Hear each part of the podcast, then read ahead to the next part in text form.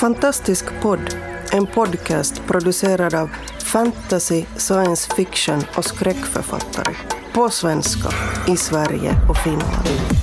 Vi snackar skriva, böcker, våndor och vändor i våra och andras världar.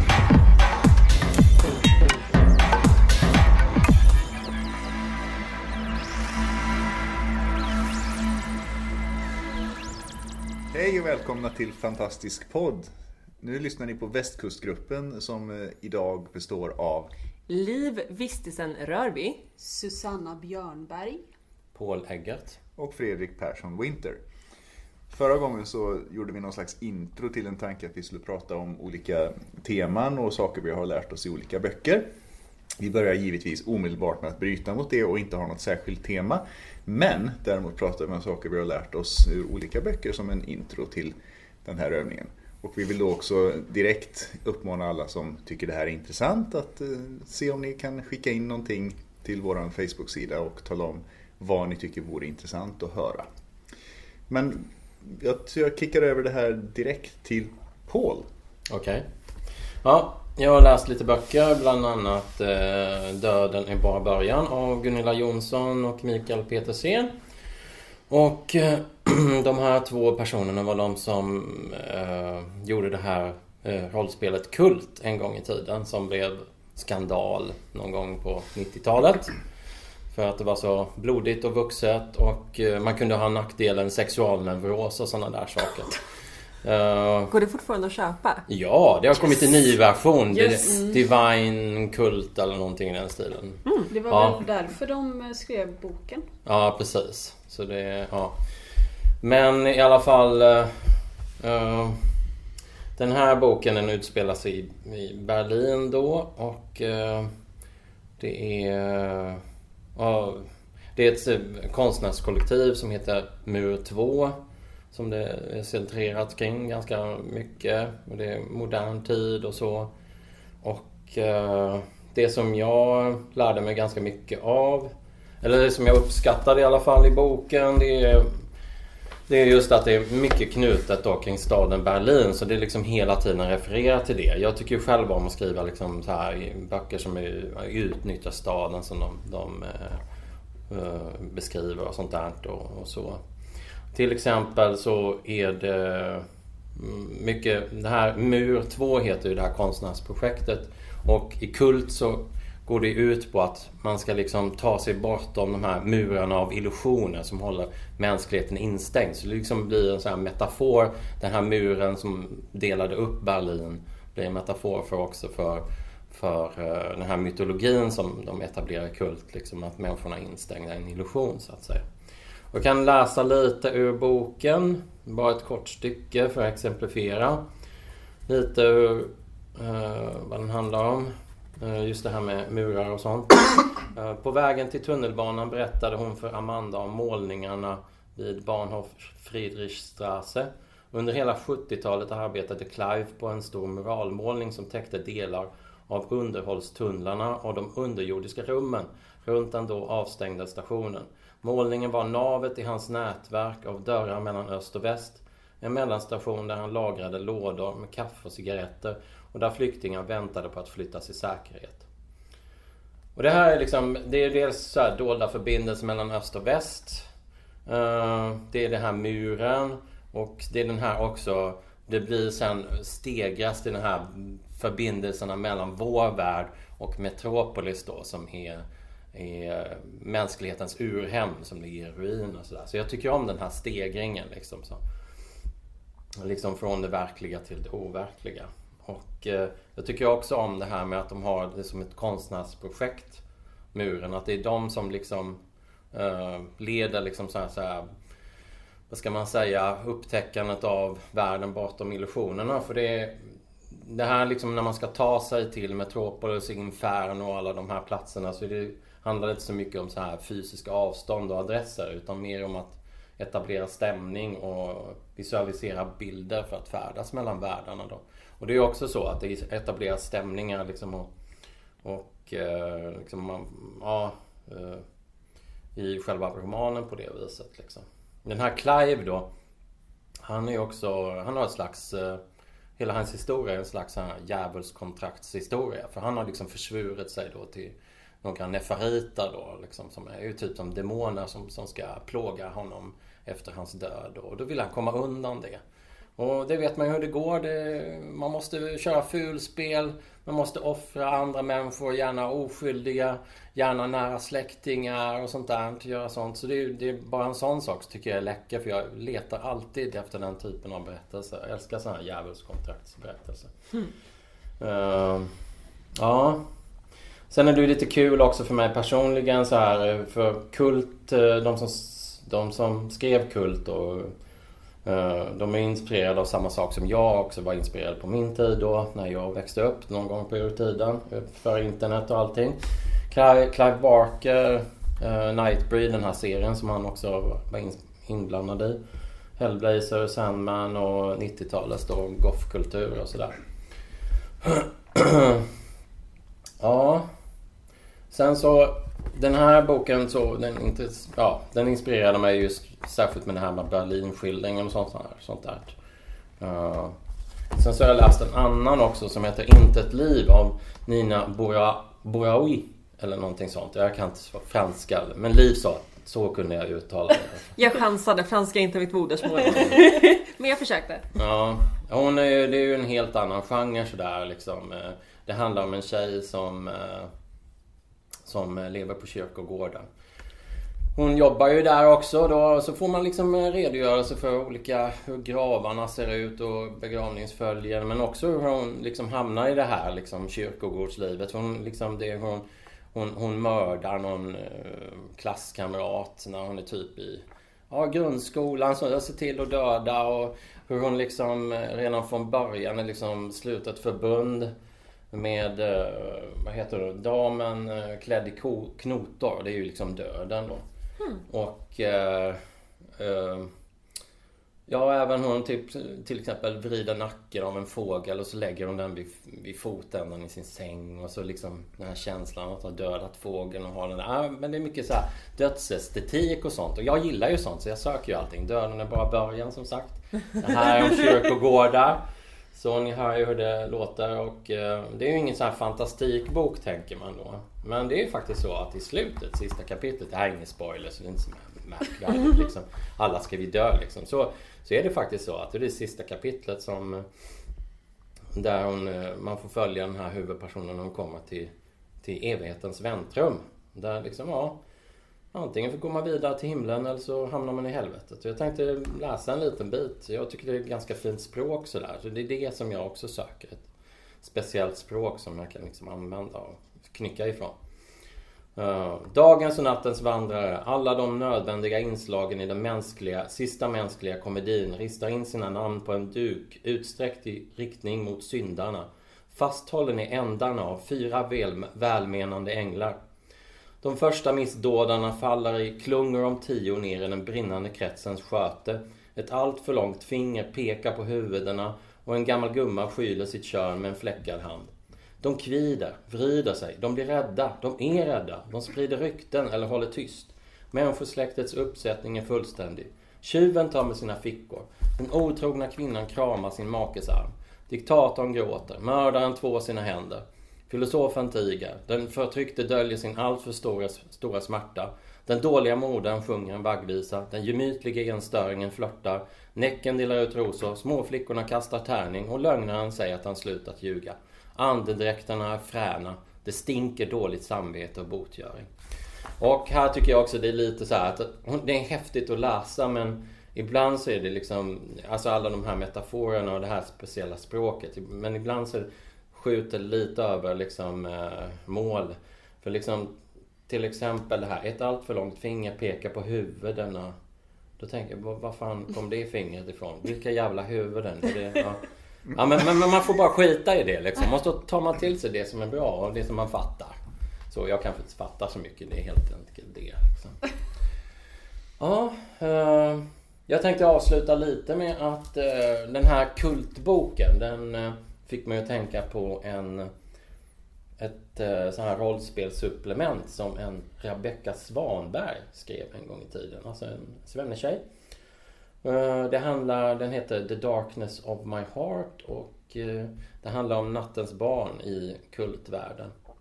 Och de är lite som så här typ vampyrer och varulvar och sådana där. Så det är inga så här riktiga demoner men det är inte människor heller. Liksom så här.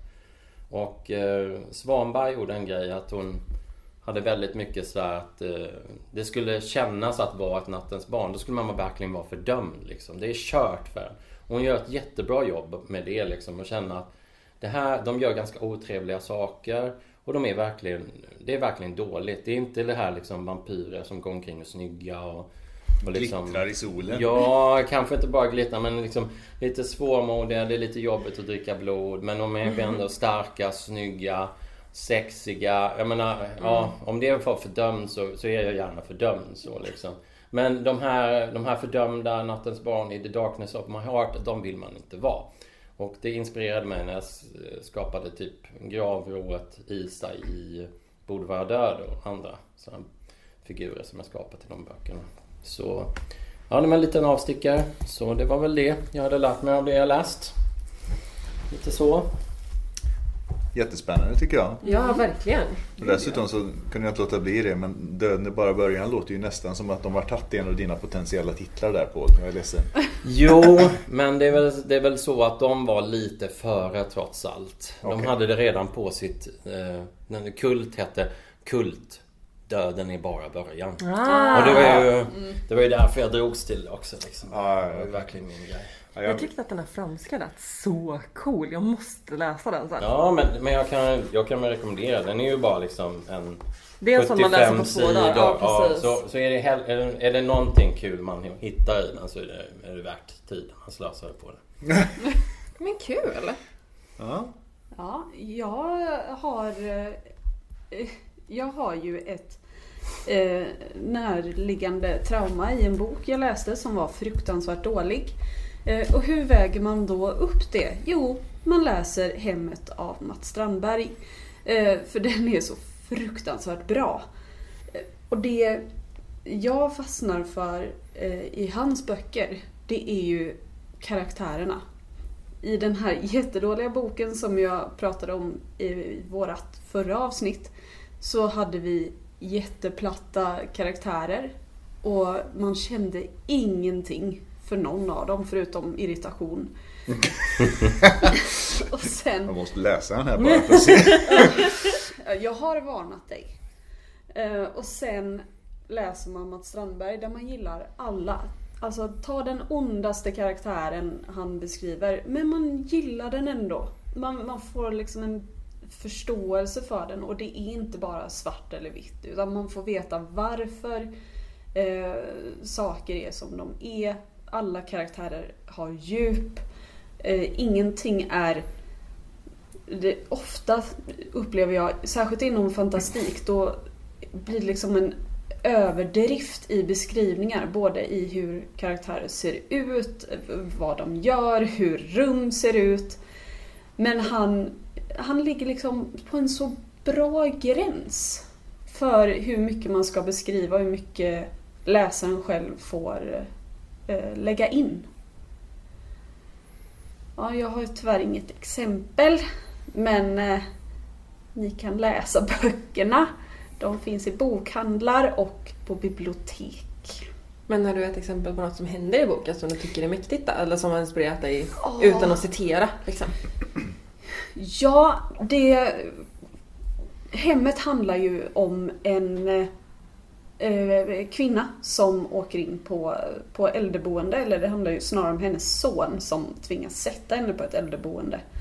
Och eh, på det här äldreboendet så finns det någon form av mörk eh, varelse. Alltså någon ond kraft. Så det, det är ju stil med Exorcisten. Det är dit det drar. Gå och Eh. krabba i trappan. Det finns inga trappor på det här äldreboendet, annars hade hon säkert gjort det. Yes. Ehm, Men då, ganska tidigt när han ska rensa ut efter henne, så ser han en eh, fettfläck vid hennes eh, eh, huvudänden på väggen vid sängen. Och det, det är så obehagligt och den här fettfläcken återkommer och det, Eller hur? Ja, men jag kände direkt att jag bara nej. Och först så är man så här, ja men det, det är bara en fettfläck. Men sen blir den större, den dyker upp på andra ställen. Den går inte att få... Åh gud vad bra det är och det är så obehagligt. Ehm, om det inte märks tillräckligt så rekommenderar jag den. Ja, Ja, så kan det vara. Jag ska läsa den. Jag fick ju den av dig men jag har inte hunnit än. Så Nej. det är bara att sätta mig och göra det. Ja, faktiskt. Jag, jag fångar upp den där tråden lite grann du sa med, med överbeskrivande eller på att säga. För det är en sak som jag har tänkt rätt mycket på i just fantastik. Jag ska inte säga att det är så överallt men det är ganska vanligt med att, att det blir lite väl beskrivet. Det, ibland går det nästan in på, på, som du sa någon gång Susanna, att det är liksom vilket, vilken sorts tråd man har använt i materialet man har haft när man har broderat just den där blusen eller vad det nu är. Eh, man, man har, många har en tendens att gå in i väldigt noggranna beskrivningar och ibland känns det som man nästan läser ett uppslagsverk om hur den här världen fungerar innan man faktiskt får eh, höra vad det handlar om. Eh, och då ska jag ta någonting som jag tycker är en bra kontrast till det som har inspirerat mig väldigt mycket just på temat hur man så att säga kan undvika att fastna i den här beskrivande fällan. Eh, och det är eh, inte en specifik bok men de flesta böcker som skrivits av Jane M. Banks som är lite husgud för mig då i och för sig men, men jag tar det ändå. För eh, om man till exempel tittar på dem, jag har inte läst alla ska jag säga, men jag kan inte komma ihåg någonstans där han faktiskt beskriver hur hans rymdskepp ser ut till exempel. Det finns lite sådär där, som man förstår ungefär vad de har för typ av funktion och vilka som är stora och vilka som är små och lite sådär. Men det finns liksom ingen tydlig beskrivning hur skeppen ser ut. De heter en massa roliga saker som i sig har en dold betydelse på olika vis. Eh, men eh, det är liksom den, den ledning man får på vad, hur de ser ut överhuvudtaget. Och när jag börjar tänka ännu mer på det så är det som så att det är väldigt mycket i hans böcker som är på det temat att man beskriver det på ett sätt som gör att man förklarar vad det gör, vad det nu är.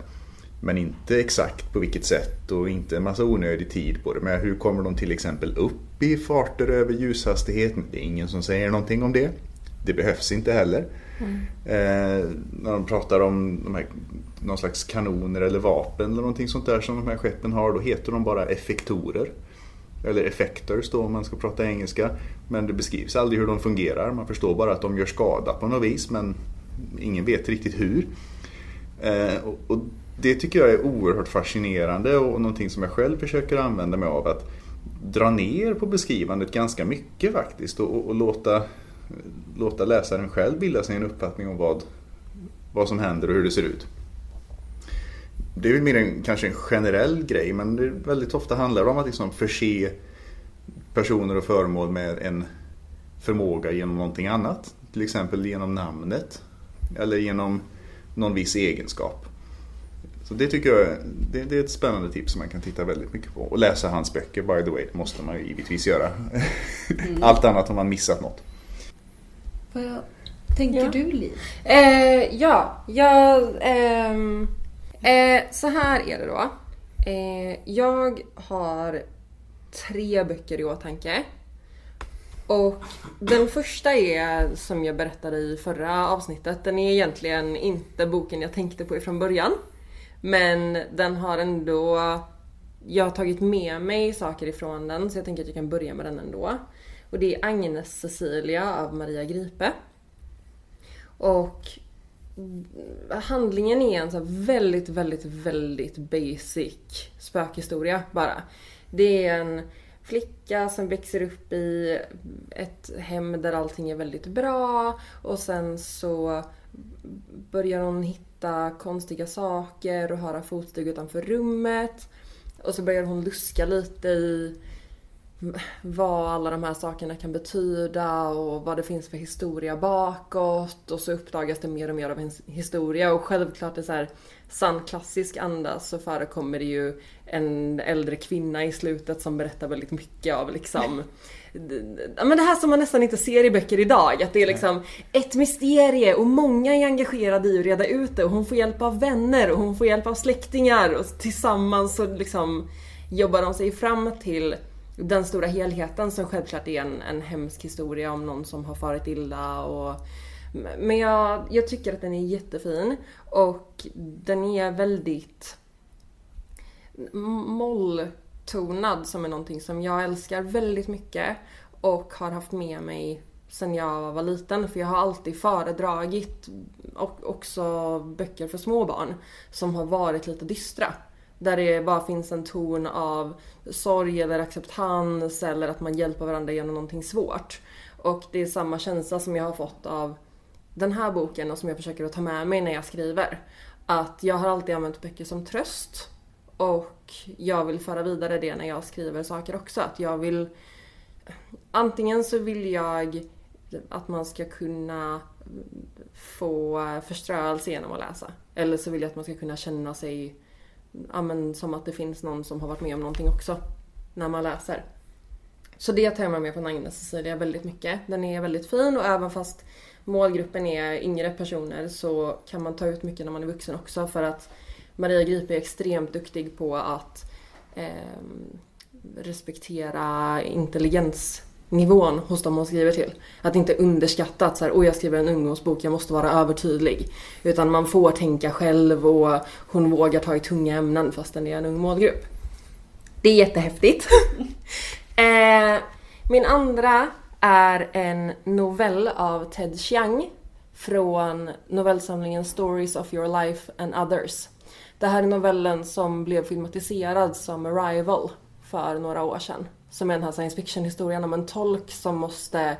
Det landar ett, en, en massa olika typer av farkoster runt om i hela världen. Och de här farkosterna eh, har folk, höll jag på att säga, varelser i som försöker att kommunicera. Och de skickar upp olika, olika länder skickar upp olika typer av eh, akademiker. Så vissa skickar upp matematiker och andra skickar upp eh, lingvistiker. Eh, och den här novellen är så himla himla fin. Den handlar, man tror att fokuset ska ligga på science fiction grejen. Vilka är de här utomjordingarna? Vad vill de? Och egentligen så handlar det bara om resan för huvudpersonen. Och att behöva acceptera att mm, utkomsten av livet kanske inte alltid är det man vill att den ska vara. Men att det kan vara okej. Okay, och man kan ändå njuta så mycket man kan av livet som det är nu. Och det är, jag älskar fantastik som ett transportmedel för en annan berättelse som handlar om personen. Mm. Eh, min sista är eh, The Handmaid's Tale av Margaret Atwood. Som är aktuell serie just nu. Vilket är varför jag började läsa boken. Och hennes språk i boken är så jävla fint. Förlåt att jag svär i podden. Eh, det är så himla himla himla fint. Och hon skriver med en sån alltså insikt i hur rädd man kan vara när man lever i ett samhälle som påverkas av förändring. Och i min senaste novell som jag skrev, för jag skriver lite glesare nu för att jag har börjat jobba heltid och vänjer mig vid det. Eh, min senaste novell så försöker jag också tappa in på kanske samhället mer. Hur vi har det idag, hur vi behandlar andra människor idag. Och Margaret Atwood gör det jätte, jättebra. Jag önskar att jag hade läst den här boken innan jag försökte skriva min novell. Eh, för hon gör det med enorm empati. Och för er som inte har läst boken eller sett serien så är handlingen i kort att vi befinner oss i en framtidsdystopi där många kvinnor inte längre är fertila. Och det har skett en statskupp i USA där man har tagit över. Alltså Amerikas regering styr inte längre utan det finns nya instanser, maktinstanser som har bildat små, eh, vad heter det? Samhällen. Eh, där man har tjänarinnor då. Som är kvinnor som ska bo hos rika och privilegierade familjer för att föda barn åt dem. Eh, och den är tung som bly. Den är jätteintressant och extremt mycket empati och det här är något jag verkligen försöker ta med mig när jag skriver också. För ju mer jag försöker luta åt att ta in hur våran värld ser ut idag, desto viktigare är det att också kunna, precis som i alla de här böckerna jag pratat om, finnas där för läsaren och säga att allting Det, det är läskigt och det är jobbigt men det är okej också. Och jag tänkte bara avsluta med ett litet citat från Handmaid's Tale från den svenska översatta versionen som jag läser. Som är översatt av Maria Ekman. Det är en ny pocket som finns i de flesta butiker idag faktiskt. Den är, den är vass för att den har ett förord också som drar paralleller mellan boken som är skriven 85 och vårt politiska läge idag. Och det är så bra skrivet. Jätte, jättebra skrivet. Eh, och det här citatet är med både i eh, serien och i boken. Och då står det Jag ligger i sängen, darrar fortfarande. Man kan väta kanten på ett glas och föra fingret längs kanten och det frambringar ett ljud. Detta är vad jag känner mig som. Detta ljud av glas. Jag känner mig som ordet splittras. Jag vill vara tillsammans med någon. Och återigen, vi befinner oss i en dystopi. Eh, vårat fokus är helt och hållet på den här individen som befinner sig i en helt otänkbar situation och läsaren är verkligen man, man får finnas där för henne och hon får finnas där för henne själv när man läser och det är det är jättemäktigt och det är något som jag vill åstadkomma i mitt skrivande också. Coolt. ja, det låter spännande. Jag har ju undvikit den lite för att jag är i en situation, nej det är jag inte. För att jag för tillfället skyggar lite för de här tunga grejerna. Jag vill gärna ha så här en mysdeckare på ett café med någon magiker som kanske hittar på någonting. Mm. Så här lättsmält. Men det är ju det, alla läsare behöver olika saker av sin litteratur. Och alla författare behöver skriva olika saker. Och det är exakt lika viktigt att det finns samhällskritik och sådana blytunga saker i texter som att det finns texter man kan få fly till ifall det känns jobbigt. Mm. Så att jag menar alla All litteratur som skrivs med syfte att ge någonting till läsaren är ju bra litteratur liksom. Ja. Du har lyssnat på Fantastisk podd. Om du trivdes i vårt fantastiska poddsällskap och vill ha mer så hittar du äldre poddar och information om oss som deltar på vår hemsida under fantastiskpodd.se och på vår Facebook-sida Fantastisk podd. Har du frågor eller förslag på vad du tycker att vi ska tala om, hör gärna av dig antingen på Facebook eller via kommentarer på hemsidan. Vi hörs! Hej och välkommen till Fantastisk podd. Jag tror du sa potatispodd. Potatispodd. Förlåt, nu är jag allvarlig. Mm.